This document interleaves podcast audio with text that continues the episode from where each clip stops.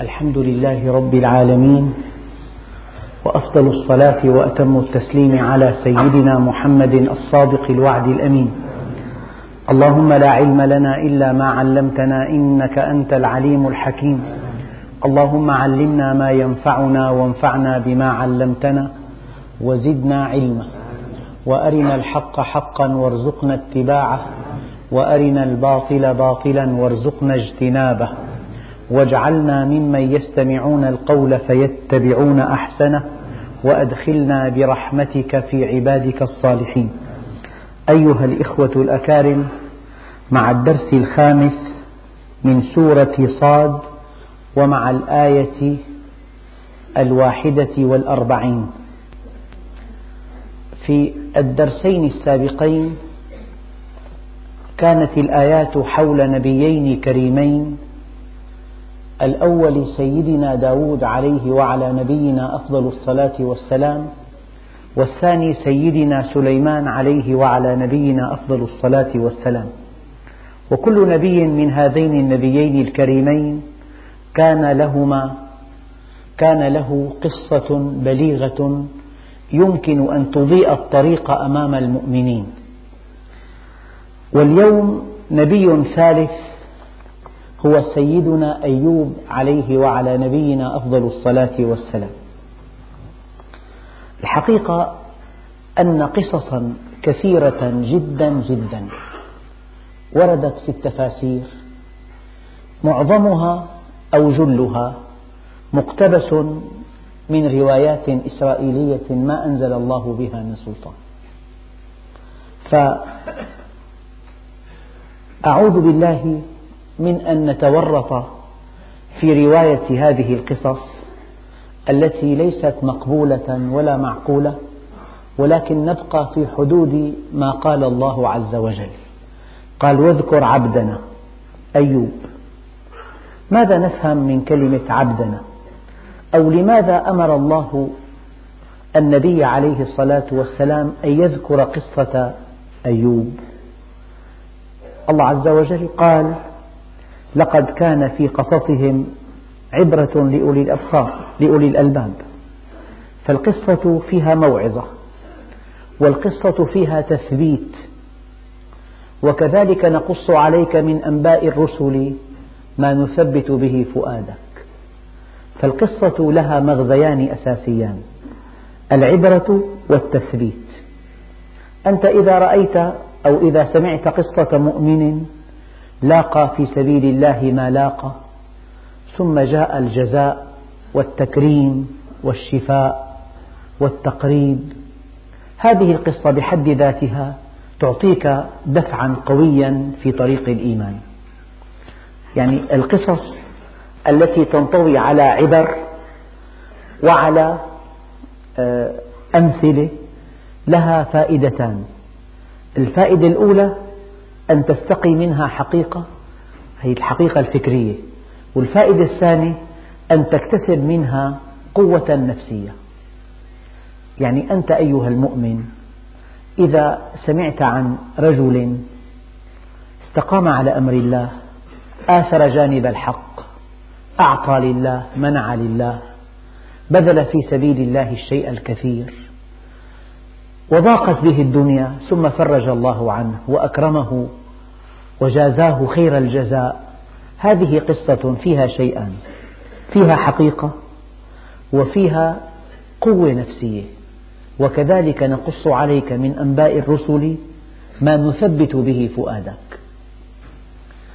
فيمكن أن تكون الدعوة إلى الله أساسها قصص واقعية جرت مع أناس قدموا لهذه الدعوة نماذج جيدة وواضحة. يعني من هذا القبيل نستنبط حقيقة ونعطي المستمع قوة نفسية. يعني في عندنا جانب عقلي وجانب انفعالي جانب فكري وجانب نفسي في كل قصة. والجانب الفكري لقد كان في قصصهم عبرة. الجانب النفسي وكذلك نقص عليك من أنباء الرسل ما نثبت به فؤادك. فالله عز وجل نبيه عليه الصلاة والسلام واجه من المحن ما واجه وواجه من الصعاب ما واجه واجه معارضة واجه تآمرا واجه إخراجا واجه تنكيلا. فالنبي يريد الله عز وجل أن يثبته أن يقويه قال واذكر عبدنا أيوب. لذلك كتطبيق عملي يعني أنت أيام تستمع إلى قصة فيها مغزى كبير إما فيها يعني حقيقة صارخة تؤكد عدالة الله أو تؤكد رحمة الله أو تؤكد أن الأمر بيد الله وحده أو تؤكد أن هذه الآية القرآنية حق ولا بد من أن تقع. أو تؤكد وعد الله أو تؤكد وعيده. أية قصة تؤكد ما في القرآن الكريم؟ هذه إذا رويتها. يمكن أن تقرر فيها حقيقة ويمكن أن تقوي بها نفوسا. الإنسان أحيانا يعيش أكثر ما يعيش بحالته النفسية. حالته النفسية تقوى أو تضعف. القصص التي تبين عدالة الله عز وجل وتؤكد أن العاقبة للمتقين وتؤكد أن الله لن يتخلى عن المؤمنين وتؤكد أن الله سينصرهم وسيعلي قدرهم. ولا تهنوا ولا تحزنوا وأنتم الأعلون. مثل هذه القصص إذا رويت قويت بها معنويات المؤمنين. وكأي من نبي قاتل معه ربيون كثير فما وهنوا لما أصابهم؟ في سبيل الله وما ضعفوا وما استكانوا. يعني أردت من هذه المقدمة أن حالة المؤمن أساسية المؤمن له حالة نفسية. هذه الحالة إما أن تقوى وإما أن تضعف. ما الذي يقويها؟ أن يستمع إلى قصة مغزاها أن زيدا آثر جانب الله عز وجل فأكرمه الله ونصره وأيده ورفع شأنه. وأن علانا آثر شهوته أو مصلحته فخذله الله عز وجل وخسر الدنيا والآخرة.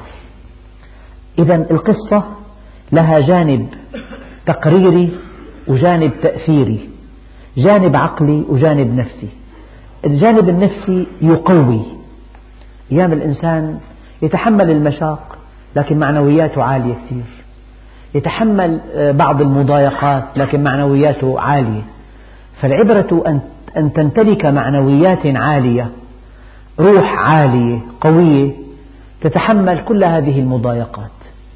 فالنبي عليه الصلاة والسلام واجه من المعارضة ومن المشاكسة ومن التكذيب ومن السخرية ومن الإيذاء ومن, ومن التنكيل بأصحابه الشيء, الشيء الكثير. فربنا جل جلاله يخبره عن نبي كريم اسمه أيوب لاقى في جنب الله ما لاقى ومع ذلك إنا وجدناه صابرا.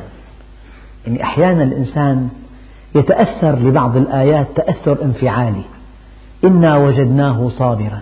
يعني أنت كعبد أنت مستسلم لأمر الله مستقيم على أمر الله محب لله جاءت الأمور على غير ما تريد. لم تقل كلمة واحدة بل ما زدت عن أن شكرت الله عن أن حمدته عن أن رضيت بهذا الذي أصابك الله به. رضيت بقدر الله بقضائه وقدره. رضيت بحظك من الله عز وجل. كنت صابرا صبرا جميلا. هذا النبي الكريم قدوة لنا معشر المؤمنين. واذكر عبدنا أيوب. وكلمة عبدنا يعني أرقى مرتبة. الآن بالجامعات أعلى شهادة دكتوراه. في أعلى منا يكون معه جائزة نوبل مثلا. بمصطلح بعرف العرف الحديث. طيب أعلى مرتبة في الأرض في حقل الدين في علاقة الإنسان بربه في عالم الحقائق في عالم القرب من الله في درجات المؤمنين عند الله. ما هي أعلى مرتبة؟ قال أعلى مرتبة أن تكون عبدا لله. العبودية لله تعني أن تكون خالص الانصياع لله. الطاعة مع الانصياع مع الحب مع التوكل مع الرضا. معاني الطاعة معاني الاستسلام معاني التفويض معاني التوكل معاني الحب معاني الشوق. إذا بلغت غاياتها إذا ألغيت وجودك ألغيت هوى نفسك فهذا معنى من معاني العبودية. فربنا عز وجل رفع هذا النبي إلى أعلى درجة حينما قال واذكر عبدنا. لذلك الإنسان إذا قرأ القرآن وقرأ قوله تعالى قل يا عبادي العلماء قالوا هذه إضافة تكريم وتشريف. يعني الله عز وجل كرمنا فنسبنا إلى ذاته. قل يا عبادي إن أرضي واسعة. قل يا عبادي الذين أسرفوا على أنفسهم. فكلمة عباد تعني هنا أن هذا الإنسان عرف عبوديته لله عز وجل وتحقق بها فانطلق من خلالها. فأنت حينما شوف ما كان لمؤمن ولا مؤمنة إذا قضى الله ورسوله أمرا أن يكون لهم الخيرة من أمرهم.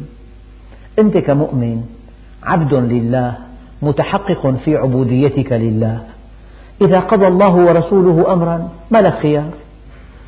أنت لك خيار أن تشتري هذا البيت أو هذا البيت أن تسافر إلى هذه الجهة أو هذه الجهة. أنت مخير كمؤمن في المباحات. أما في العبادات والطاعات والأمر والنهي ألغيت اختيارك أمام اختيار الله لك.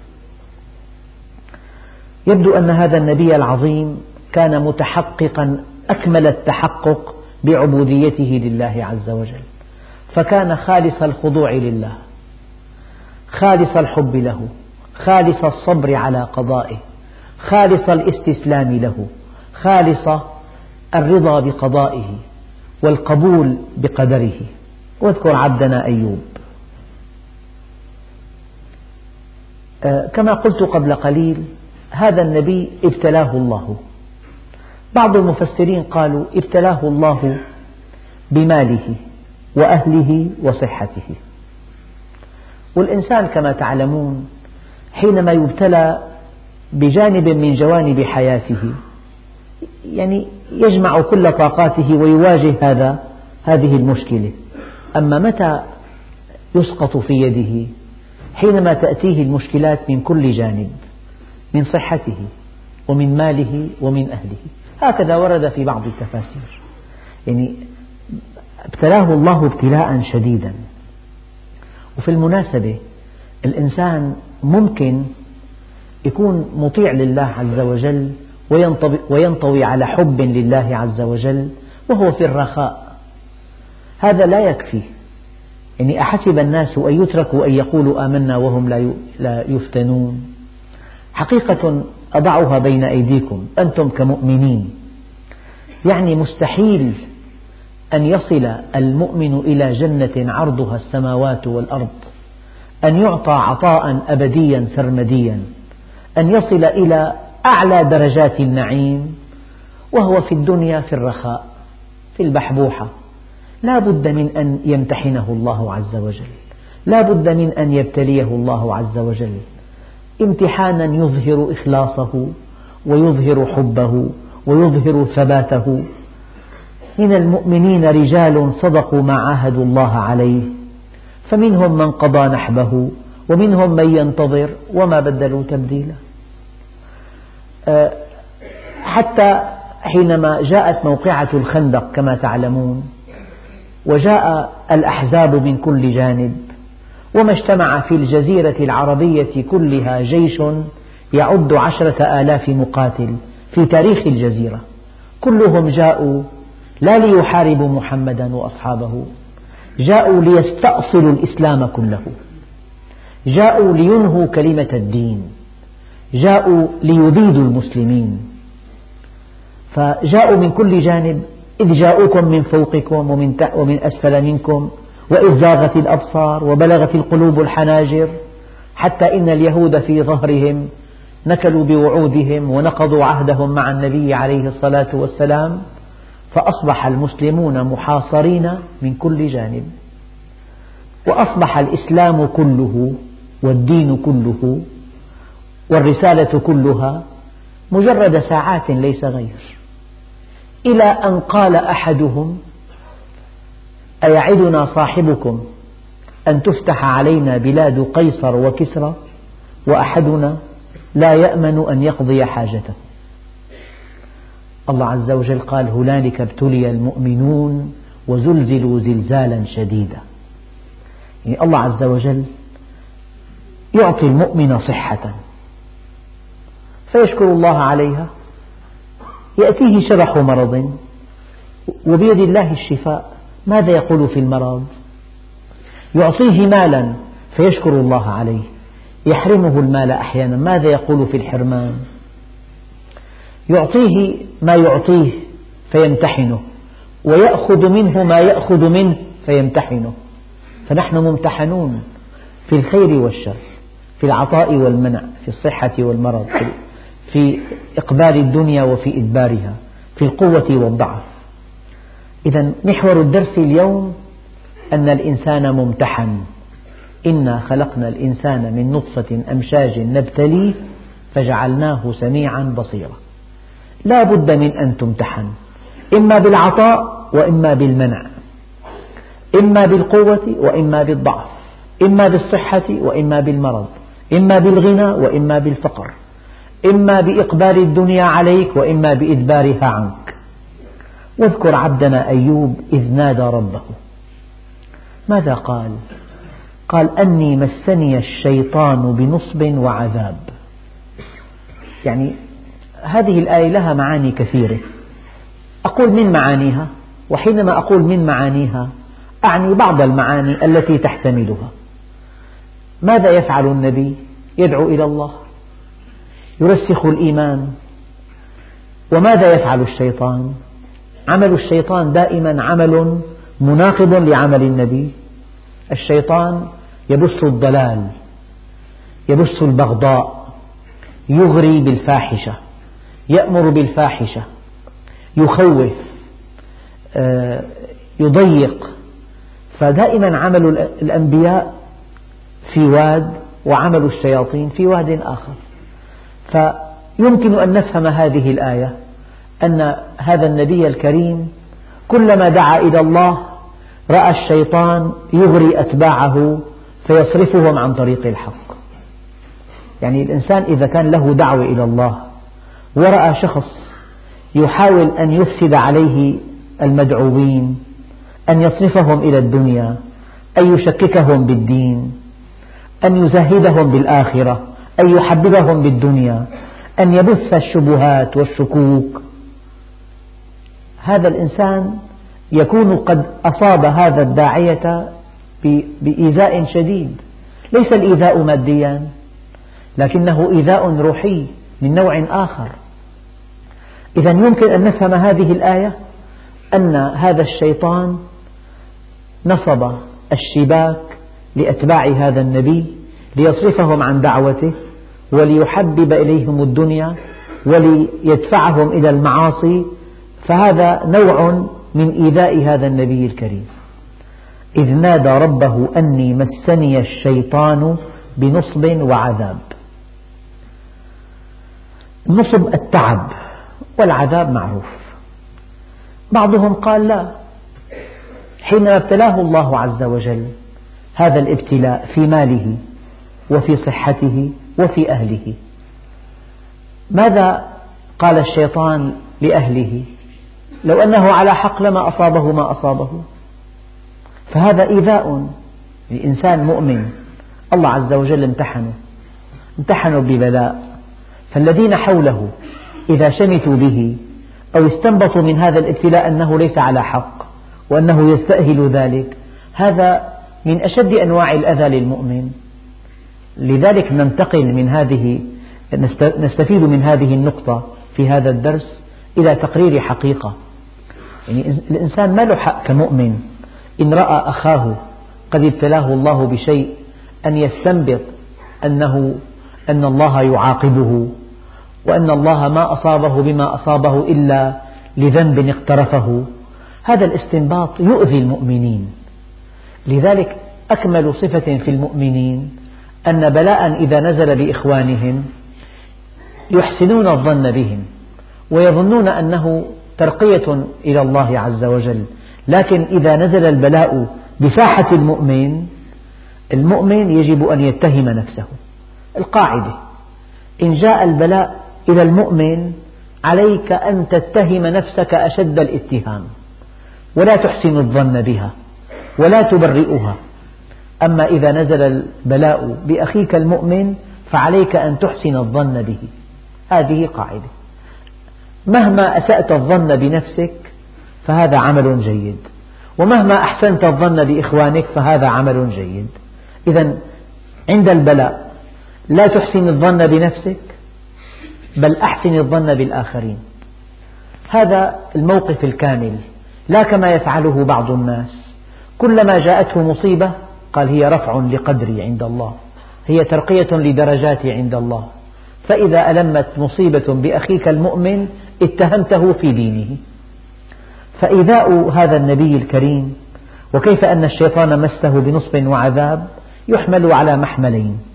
إما أن الشيطان بسعيه لإضلال البشر ولإبعادهم عن طريق الحق ولإغرائهم بالدنيا وصرفهم عن الآخرة وتشكيكهم بهذه الدعوة وإلقاء الشبهات في نفوس أتباعه هذا إيذاء وأي إيذاء؟ إنسان افتتح مدرسة ليعلم الناس الحق فإذا كان في البلدة دعوة إلى إلغاء العلم وإلى التزهيد به وإلى إغراء الناس بالمال وصرفهم عن هذه المدرسة هؤلاء الذين يدعون هذه الدعوة المناقضة هم في الحقيقة يؤذون صاحب هذه المدرسة. هو يريد أن يعلم الناس والآخرون يريدون أن يصرفوهم عن العلم. هو يريد أن يهذبهم والآخرون يريدون أن يسقطوهم في وحول الشهوة. هذا نوع من الإيذاء. واذكر عبدنا أيوب إذ نادى ربه أني مسني الشيطان بنصب وعذاب.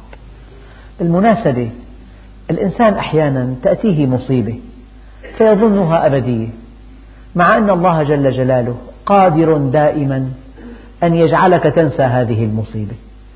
كيف أنه يخلق المرض يخلق الشفاء؟ كيف أنه يخلق العسر يخلق اليسر؟ كما أنه يخلق الفقر يخلق الغنى. الغنى له أسباب والفقر له أسباب. الصحة لها أسباب والمرض له أسباب. أحيانا الناس كلهم يعملون ضد الإنسان. ما القصة؟ كلهم يعادونه. فإذا رضي الله عز وجل كلهم يكرمونه. فربنا عز وجل قادر على كل شيء. لذلك من علامات النفاق اليأس. اليأس من رحمة الله. القنوط من رحمة الله. قل يا عبادي الذين أسرفوا على أنفسهم لا تقنطوا من رحمة الله. المؤمن لا يقنط. المؤمن وهو في أشد الحالات شدة وهو في أشد المصائب يأمل بعفو الله ورحمته وإكرامه. لكن لا يقنط إلا الكافر. لا ييأس إلا الكافر. فالله عز وجل على الرغم من أن هذا النبي كان في محنة وفي شدة في ماله وأهله وصحته. الإنسان أيام إذا ألم بصحته ما ألم. الأهل يعتنون الأولاد يعتنون في مال مقابل الأطباء والتحاليل والأدوية. فمصيبة واحدة الإنسان بيمتصها أحيانا. الأهل في مشكلة مع الأهل والصحة طيبة والدخل جيد تنحل. في مشكلة بالمال بس في تفاهم زوجي وفي سرور وفي صحة. لكن أن تأتي المصائب من كل جانب من جهة الأهل ومن جهة المال ومن جهة الصحة هذا شيء يعجز عن تحمله عامة الناس. لكن الأنبياء لمعرفتهم بالله عز وجل ولإقبالهم عليه ولرؤيتهم أن الفعل فعله وأن اليد يده وأن, وأن لا فاعل إلا الله هذا كله يجعلهم يتقبلون هذه المصائب. والدليل حينما انتهى الامتحان ونجح هذا النبي يعني الإنسان أحيانا يمتحن. لينظر كيف تقول يا رب لك الحمد أنا راضي. حدثنا أخ طبيب قال لي كان عندنا بالمستشفى مريض. مصاب بمرض خبيث في أمعائه. كلما دخل عليه عائد يعوده يقول له اشهد أنني راض عن الله. يا رب لك الحمد. أيام ثلاثة وتوفاه الله. هذا نجح. هذا نجح نجاحا باهرا. ولو أن حياته قد انتهت. إيه هناك بعد الحياة جنة عرضها السماوات والأرض. يعني المشكلة أن تأتي المصيبة ليسمع الله منك يا ربي لك الحمد. يا ربي أنا عبدك وابن عبدك وابن أمتك ماض في قضاؤك نافذ في حكمك. أعوذ بنور وجهك الذي أشرقت له السماوات والأرض وصلح عليه أمر الدنيا والآخرة. من أن تنزل بي سخطك أو تحل بي غضبك ولك العتبى حتى ترضى لكن عافيتك أوسع لي. العبرة أن تقف هذا الموقف. لذلك الله عز وجل بعد أن أصاب هذا النبي ما أصابه من محن ألمت بصحته لكن ما يصفه الوصافون أنه كل جسمه قيوح الأنبياء مبرؤون من هذه المصائب. هذا يمثل, يمثل دين الله عز وجل. يعني مبالغات وقصص ما أنزل الله بها من سلطان لا تعبأ بها ولا تلتفت إليها. أكثر التفاسير قيمة أنكرها وأسقطها من حسابه. قال هناك امتحانات امتحن الله بها هذا النبي الكريم جملة لا تفصيلا. هناك بلاء. أيام الإنسان يعاني من معارضة قومه ومن سعيهم لإحباط رسالته. معاناة أشد من معاناة المرض. فإذا كان هذا النبي يدعو إلى الله وينشر الحق والشيطان ينصب لأتباعه الشباك ليحبط إيمانهم وليصرفهم عن دينهم وليشككهم بنبيهم. فهذا أذى وأي أذى للنبي؟ قال اركض برجلك هذا مغتسل بارد وشراب. معنى اركض برجلك يعني اضرب الأرض برجلك. فلما ضربها نبع ماء اغتسل منه فشفى كل شيء وشرب منه. يعني جعل الله شفاء في هذا الماء الذي نبع من ضرب قدمه في الأرض. هذا مغتسل بارد وشراب. يعني في أطباء استنبطوا من هذه الآية أنه في علاج داخلي وعلاج خارجي. مغتسل علاج خارجي. وشراب علاج داخلي. على كل حينما آن الأوان وشاءت مشيئة الله أن يشفى وأن يصح وأن يرتد إليه أهله معظمين مبجلين انتهى كل شيء. يعني الله عز وجل قادر دائما وأبدا أن يجعل من المصيبة التي أضمت وآلمت ذكرى. هذا مغتسل بارد وشراب ووهبنا له أهله ومثلهم معهم رحمة منا وذكرى لأولي الألباب. يعني أهله التفوا حوله وصحته عادت كما هي ورد الله له ما له. ماذا بماذا استفاد من هذه المصيبة؟ أنه امتحن فنجح. إنا وجدناه صابرا. أشعر بمشاعر خاصة مع هذه الآية. إنا وجدناه صابرا. الله عز وجل يعلم أن قضية مزعجة. أيام الإنسان تأتيه مشكلة لا يحتملها. يا رب شايف طبعا الله شايف. يعلم حجم المصيبة ويعلم مدى الإيذاء ومدى الضرر ومدى الضيق. والله يقدر الليل والنهار كل شيء بقدره. لذلك سيدنا إبراهيم قال له علمه بحالي يغني عن سؤالي. ويعاب من يشكو الرحيم إلى الذي لا يرحمه. لما الإنسان آه، يشعر أن الله عز وجل يرى ويسمع ويعلم وأنه وأن هذا من عند الله وهو صابر على قضاء الله وقدره. هذا الشعور وحده مسعد. ووهبنا له أهله ومثلهم معهم رحمة منا وذكرى لأولي الألباب.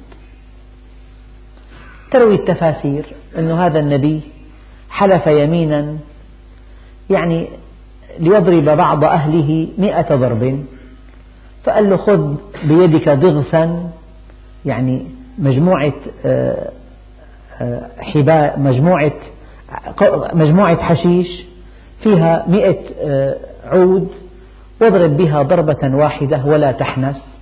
إنا وجدناه صابرا نعم العبد إنه أواب. الإنسان أحيانا يحلف يمينا. يرى الخير في عدم إيقاعها. ماذا يفعل؟ قال العلماء هذه آية يعني تعطينا رخصة للتكفير عن اليمين بطريقة لا تؤذي الآخرين. يعني هو حلف أن يضرب مئة ضرب. قال له خذ بيدك ضغصا يعني عذق عذقا من النخيل في مئة عود. واضرب به ضربة واحدة. الضربة الواحدة تقابل مئة ضرب. ولا تحنث إنا وجدناه صابرا نعم العبد إنه أواب. أيضا نأخذ هذه الآية على مجملها من دون تفاصيل. كما وردت في كتب بني إسرائيل. يمكن أن نستفيد من هذه الآية. أن الإنسان أحيانا يتمكن آه، ينفذ يحقق يمينه بطريقة يعني لا تؤذي ولا آه، تترك أثرا سيئا في الآخرين. وخذ بيدك ضغثا فاضرب به ولا تحنث. إنا وجدناه صابرا. نعم العبد إنه أواب. هذه إنا وجدناه صابرا. لذلك الناس دائما كلما ألم بهم مكروه يقولون يا صبر أيوب أصبح هذا النبي الكريم مضرب المثل في الصبر. الحقيقة كلمة الصبر لها معاني كثيرة.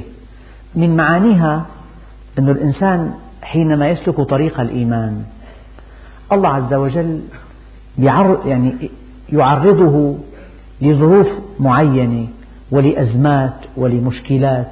هذه كلها من أجل أن ترفع من مستوى إيمانه من مست... كلها من أجل أن تقوي عوده في الإيمان من أجل أن تقوي يقينه بالله عز وجل. دائما وأبدا المصيبة تأتي. إذا أصابت المؤمن واستفاد منها تذهب عنه وقد دققوا. زادته إيمانا وحبا لله عز وجل. مرة السيدة فاطمة سألها النبي عليه الصلاة والسلام ماذا بك يا بنيتي قالت حمى لعنها الله. قال لا تلعنيها. فوالذي نفس محمد بيده لا تدع المؤمن وعليه من ذنب. اعتقد هذا الاعتقاد أن كل مصيبة إن في صحتك أو في أهلك أو في مالك تأتي. طبعا هذا الخطاب للمؤمنين تأتي. وترحل. إن جاءت ورحلت وكنت صابرا ورضيت بقضاء الله وقدره ماذا تفيد ماذا تترك في نفسك هذه المصيبة من آثار إيجابية؟ تزداد بها معرفة بالله عز وجل وتزداد به حبا. يعني مثلا جهة قوية أرادت بالإنسان مكروها. أنت ما لك أحد. لا تملك أن تدفع هذه المصيبة لا تملك إلا الدعاء. فدعوت الله عز وجل بقلب مخلص. صليت الليل ودعوت الله عز وجل. يعني أنت ما كنت لتفعل هذا لولا هذه المصيبة. ما كنت لتقف هذا الموقف المضطر. ما كنت لتصلي الليل لتتهجد. تسأل الله في أثناء الليالي. تقول يا رب ليس لي سواك. هذه القوة الغاشمة التي تريد بك مكروها تراها بقدرة قادر على خلاف نواميس الأرض تنصرف عنك أو تأتي قوة أخرى فتصرفها عنك ماذا ماذا حصل؟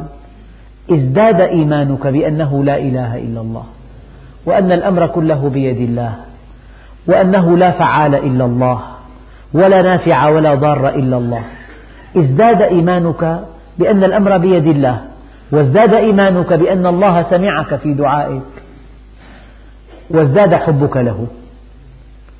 اعتقد هذا الاعتقاد.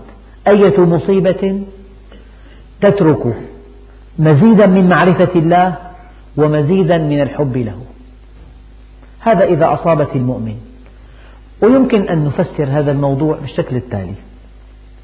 هناك مصائب تصيب أهل العصيان والفجور. وهناك مصائب تصيب أهل الإيمان والحبور. مصائب أهل العصيان عقاب وهي نوعان مصائب قصم ومصائب ردع. كما قال الله عز وجل وأوحي إلى نوح أنه لن يؤمن من قومك إلا من قد آمن فلا تبتئس بما كانوا يصنعون. الإنسان أحيانا قد يبلغ من الكفر والانحراف والإصرار على إيذاء الناس درجة يعني بالغة. عندئذ هذا لا ينفعه إلا مصيبة القصم ربنا عز وجل يبطش به ينهيه. آه، الآية الكريمة إن بطش ربك لشديد. يعني أنا سمعت قصصا كثيرة عن أناس شريرين يحبون إيقاع الأذى بالناس. تراهم بحادث أصبحوا قطعا ثلاثة. هذه مصيبة قصم. الإنسان إذا أراد إطفاء نور الله عز وجل إذا أراد إيقاع الأذى بالمؤمنين إذا أراد أن يمنع دعوة إلى الله عز وجل إذا أراد أن, أن يلصق تهمة بإنسان بريء إذا أراد أن يصرف الناس عن طريق الحق هذا يتعرض لغضب الله الشديد وقد يبطس الله به. هي مصيبة القصم وأحيانا يكون في هذا الإنسان بقية خير بقية خير. تأتيه مصيبة من نوع الردع مصيبة مؤلمة جدا. قد تفقده بعض أعضائه قد تفقده بعض حواسه. فالكافر العاصي الفاجر المنحرف بين مصيبة القصم ومصيبة الردع. لكن المؤمنين لهم مصائب من نوع آخر. قال تعالى ولنبلونكم بشيء من الخوف. مؤمن بخاف والجوع بيفتقر. قد لا يملك قوت يومه. ولنبلونكم بشيء من الخوف والجوع ونقص من الأموال. بفلس بتبور تجارته أحيانا. بيضطر إلى دريهمات يقترضها من بعض الناس. في الأموال والأنفس وقد يفقد بعض أولاده. والثمرات وقد يحرق الله بستانه. إلى المحصول تلف كلياته. ولنبلونكم بشيء من الخوف والجوع ونقص من الأموال والأنفس والثمرات وبشر الصابرين. بشرهم. الذين إذا أصابتهم مصيبة قالوا إنا لله وإنا إليه راجعون. النبي عليه الصلاة والسلام قال مرة إن لله ما أعطى وله ما أخذ. كلام بليغ عظيم. له ما أعطى وله ما أخذ.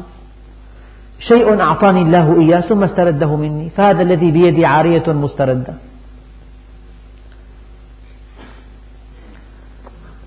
فلذلك هذه المصيبة الثانية المصيبة الأولى مصيبة المؤمنين مصيبة دفع إلى باب الله دفع إلى بابه. يكون في تقصير من قصر بالعمل من قصر بالعمل ابتلاه الله بالهم. يكون في عبادة شكلية صلاة صورية تساهل ببعض الطاعات تقصير في الصلوات. آه، يعني تلاوة القرآن عنده شكلية ليس فيها عمق وليس فيها خشوع. من قصر بالعمل ابتلاه الله بالهم مصيبة المؤمنين مصيبة دفع. في تقصير. سرعة بطيئة. سرعة بطيئة وفي خير. فربنا عز وجل إذا أحب الله عبده ابتلاه. إذا أحب الله عبده ابتلاه. المصيبة الثالثة مصيبة الرفع. يعني هو مستقيم وسرعته عالية في طريق الإيمان لكن ممكن أن يرقى عند الله إلى درجات أعلى. فلذلك إضافة إلى استقامته وإلى إخلاصه وإلى أعماله الصالحة يحمله الله بعض المتاعب كي يكون مثلا أعلى في تحمله إياها وصبره عليها. هذه مصيبة الرفع. فالمؤمن بين الدفع وبين الرفع. إما أنه يدفعه إلى بابه وإما أنه يرقى به. أما الأنبياء المكرمون هؤلاء تنطوي نفوسهم على خير وعلى حب وعلى كمال لا يظهر إلا بالمصائب. فأنى للنبي الكريم أن يظهر ما عنده من حب للآخرين من رحمة بهم من حلم على على أعمالهم لولا أنه ذهب إلى الطائف على قدميه مع سيدنا زيد ودعاهم إلى الله عز وجل فسخروا منه وكذبوا دعوته وبالغوا في إيذائه وشتموه وضربوه. جاءه جبريل قال يا محمد أمرني ربي أن أكون طوع إرادتك. لو شئت لأطبقت عليهم الجبلين. قال لا يا أخي. اللهم اهد قومي إنهم لا يعلمون. لعل الله يخرج من أصلابهم من يوحده. هذا الذي حصل. فنحن خمس أنواع في من مصائب. مصيبة القصم ومصيبة الردع للعصاة. ومصيبة الدفع ومصيبة الرفع للمؤمنين. والكشف للأنبياء.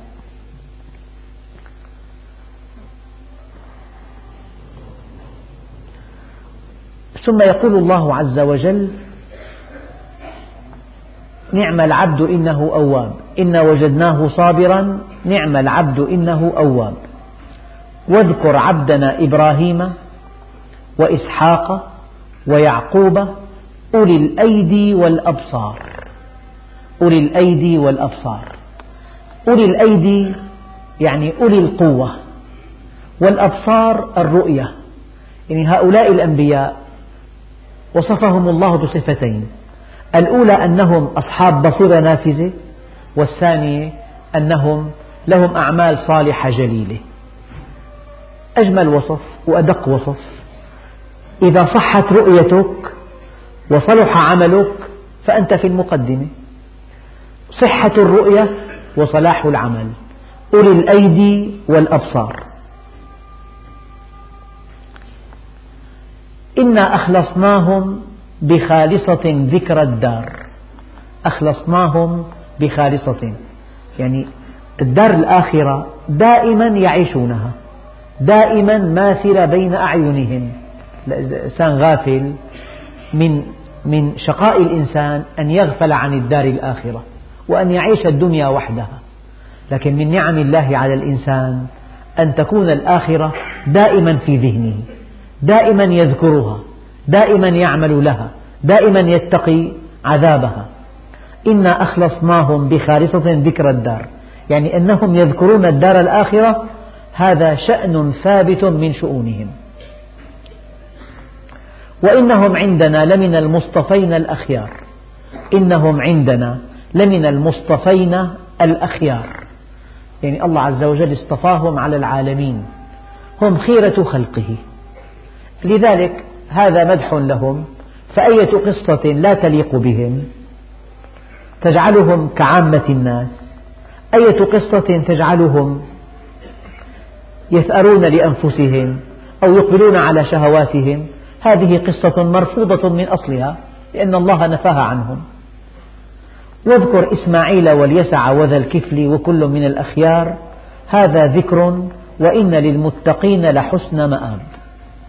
الآن ربنا عز وجل بعد ما ذكر بعض الأنبياء ذكر سريع وصفهم بأنهم لهم بصائر نافذة وأعمال صالحة جليلة ثم وصفهم بأنهم مع الدار الآخرة دائما لا ينسونها وهم مصطفون أخيار يقول الله عز وجل وإن للمتقين لحسن مآب. ما هذا المآب الحسن؟ قال جنات عدن مفتحة لهم الأبواب. تكريما لهم. إذا الإنسان مدعو وكان له شأن كبير طبعا الأبواب مفتحة له قبل أن يأتي.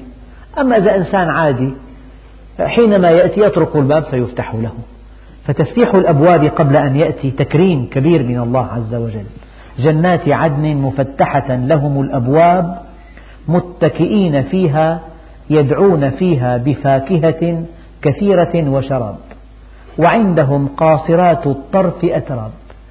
يعني جلسة مريحة جدا وطعام نفيس وحورية تملأ القلب سرورا.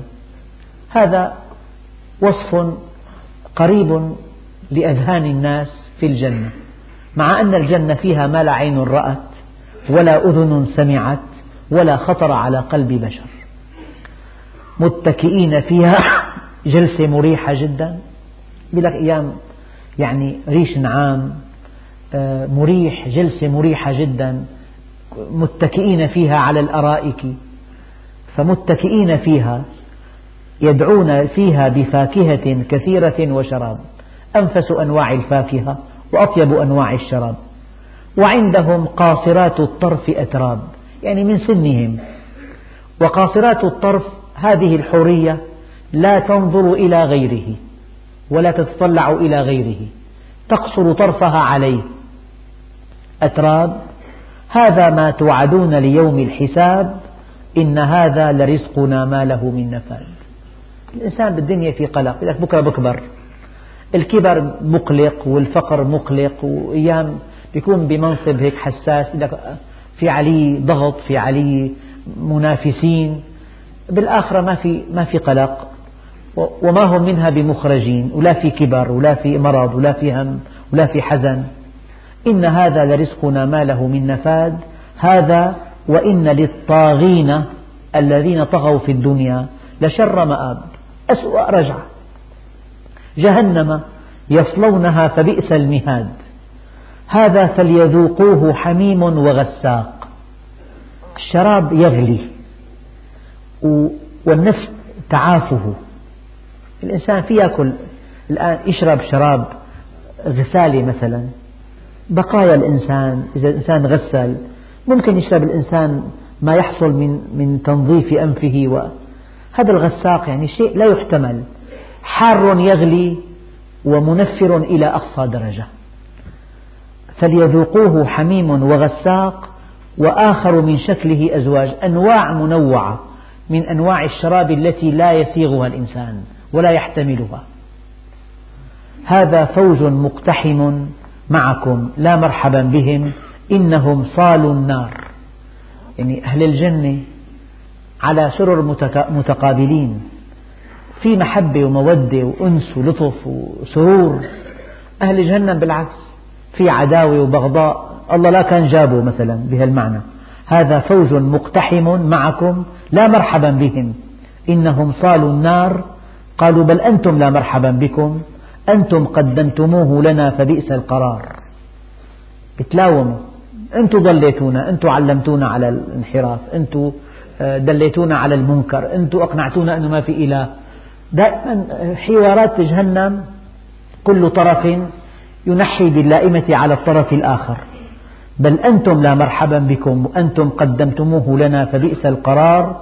قالوا ربنا من قدم لنا هذا فزده عذابا ضعفا في النار. آخر فقرة بالدرس. وقالوا ما لنا لا نرى رجالا كنا نعدهم من الأشرار. أثناء الحوار والخصومات وتقاذف التهم بجهنم ولا مرحبا بكم بل أنتم لا مرحبا بكم. وين فلان؟ كان في فلان مؤمن مستقيم صالح يخاف الله عز وجل يتلو آيات الله آناء الليل وأطراف النهار يمضي الليل ساجدا وراكعا يقدم للناس المعونات يدعو إلى الله يرحم الناس. هذا عند أهل الكفر شرير. هذا إنسان شرير. فحين في أثناء النقاش بين أهل النار وهم في النار يتصايحون قالوا ما لنا لا نرى رجالا كنا نعدهم من الأشرار. وين فلان وفلان وفلان؟ أتخذناهم سخريا أم زاغت عنهم الأبصار؟ هؤلاء الذين كانوا يعدونهم أشرار هم في الجنان الآن يتنعمون في الجنة على سرر متقابلين يأكلون ويشربون وهم في ظل الرحمن منعمون. قال إن ذلك لحق تخاصم أهل النار. كما أن أهل الإيمان قال إنه كان لي قرين فاطلع فرآه في سواء الجحيم. كذلك أهل النار. وين فلان الذي كنا نعده من الأشرار؟ هذا مؤمن هذا راقي مستقيم يخاف الله عز وجل. ربنا عز وجل وصف لنا في قرآنه الكريم مشاهد من يوم القيامة. هذا الوصف قبل أن يأتي رحمة بنا. يعني يا عبادي انتبهوا هذا هذا هذه المواقف سوف تقفونها. هكذا أهل الجنة وهكذا أهل النار. فالإنسان في الدنيا ليكن مع أهل الإيمان ليكن مع الأتقياء الأبرار ليكن مع المؤمنين الطاهرين مع المستقيمين العابدين مع الأولياء الذين يحبون الله عز وجل وإلا فمصيره معروف. قل إنما أنا منذر وما من إله إلا الله الواحد القهار رب السماوات والأرض وما بينهما العزيز الغفار والحمد لله رب العالمين.